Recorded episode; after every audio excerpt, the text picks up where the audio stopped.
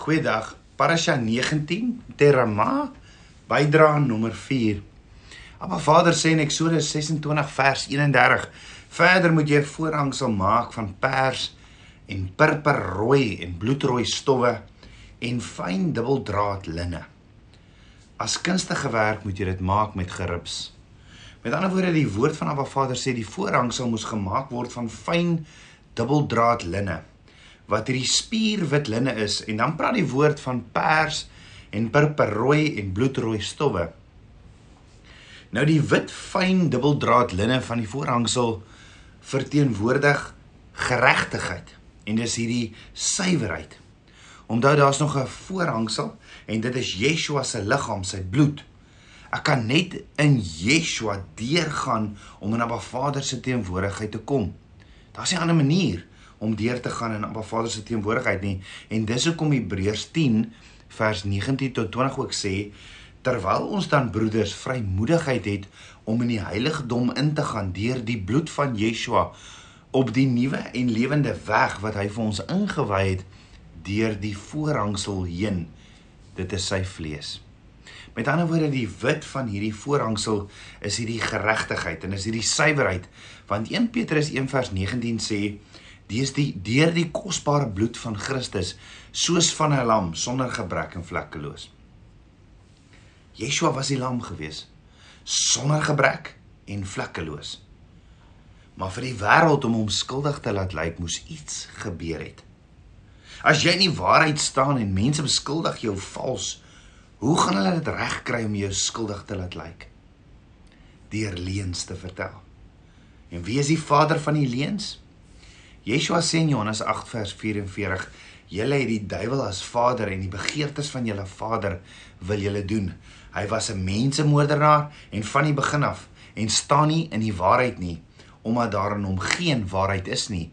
Wanneer hy 'n leentaal praat, praat hy uit sy eie, omdat hy 'n leenaar is en die vader daarvan." As ek dus leuns vertel, verteenwoordig dit die duiwel, die vader van die leuen. En so is Yeshua vals beskuldig en leuns oor vertel. En al wat Yeshua gesê het was I am the Messiah. Ek is die seun van God. Ek is die koning.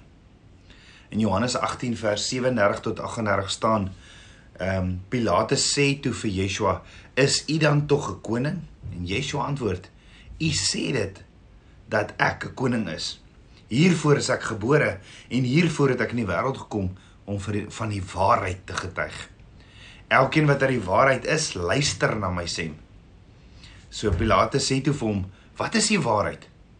En toe hy dit gesê het, gaan hy weer uit na die Jode en sê vir hulle, "Ek vind geen skuld in hom nie." Met ander woorde, Pilatus sê, "Ek vind geen fout in hierdie man nie, want Yeshua was die lam van God sonder gebrek en hy was en hy's vlekkeloos."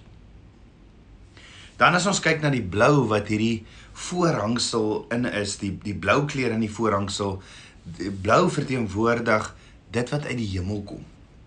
Die Hebreëse prentjie is dit wat wat van bo af kom en dit is Yeshua. Yeshua het sy koninkryk verlaat en aarde toe gekom vir ons. Watter koning sal dit doen? Dis genade onbeskryflik groot.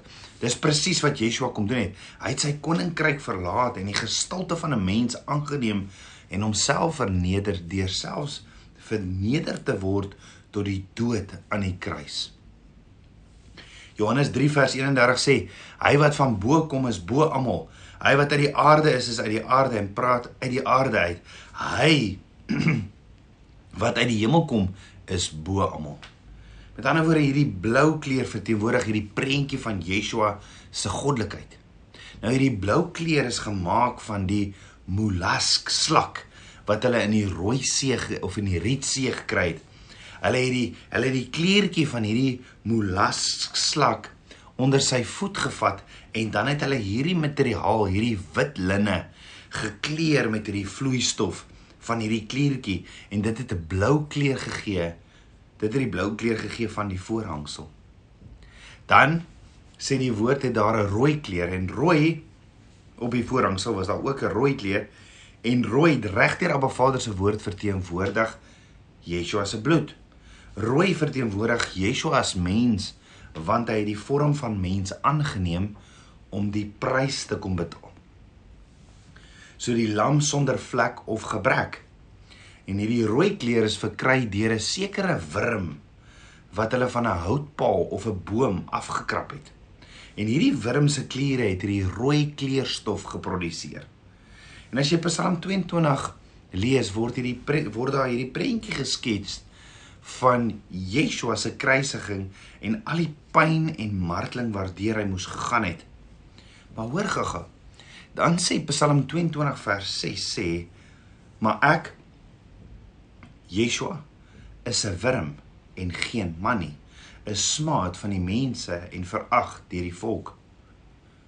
So hoe kan dit wees dat die woord sê Yeshua is 'n wurm? Gaan kyk jy na die Hebreëse woord vir hierdie wurm, dan is dit die woord toula.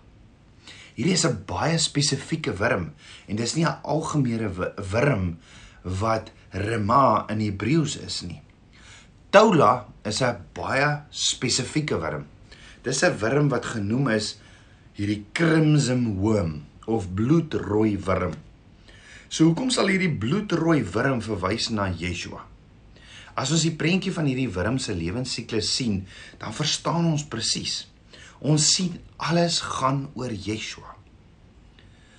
As hierdie crimson hoom se nageslag gebore word, met ander woorde wanneer die mamma crimson hoom eiers lê en kleintjies gee, dan gaan hierdie mamma crimson hoom en sy soek 'n stam van 'n boom en sy grendel haarself vas teen hierdie stam.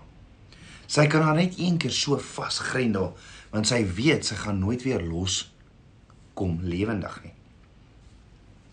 As sy haarself vasgegrendel het in die boom, maak sy 'n skulpie vir beskerming oor haar lyf en dan word die eiertjies gelê in hierdie skulpie. Dan word daar klein wurmpies gebore wat beskerm is deur hierdie skulpie en jy kan nie die skulpie van die boom aftrek sonder om die liggaam van die wurmpie te skeer nie. Wanneer hierdie kleintjies gebore word, word haar liggaam die wurmpies se kos. Sy word die voorsiening en dan net voor sy dood gaan skei sy hierdie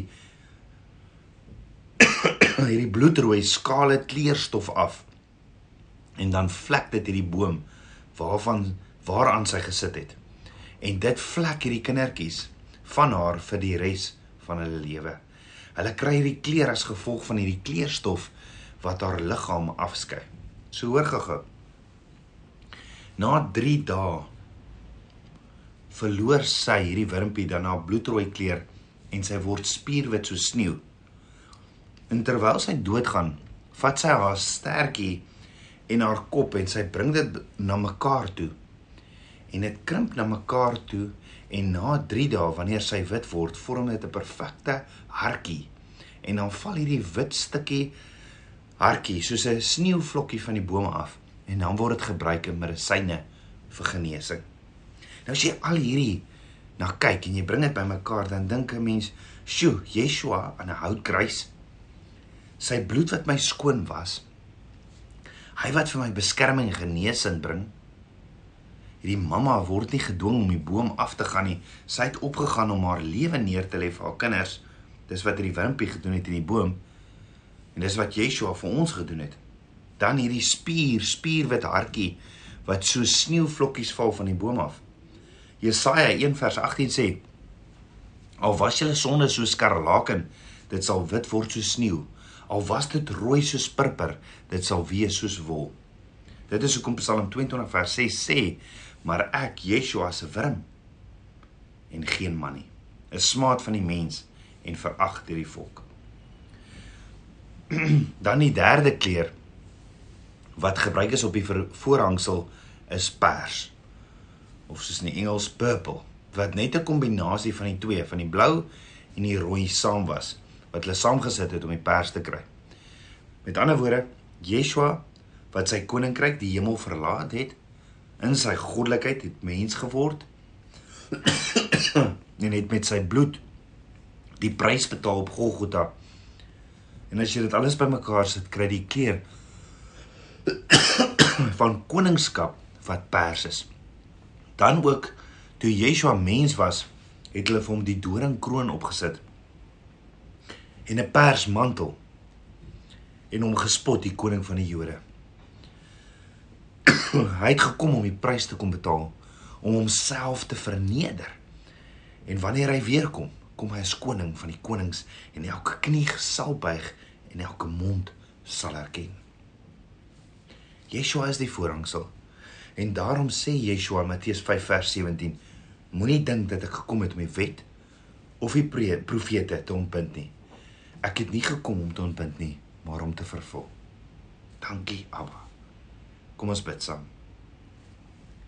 Abba Vader, skieper en koning van my hart, ek loof en prys U. Vader, kom was my sondes wat so skarlaken is, spierwit so sneeu.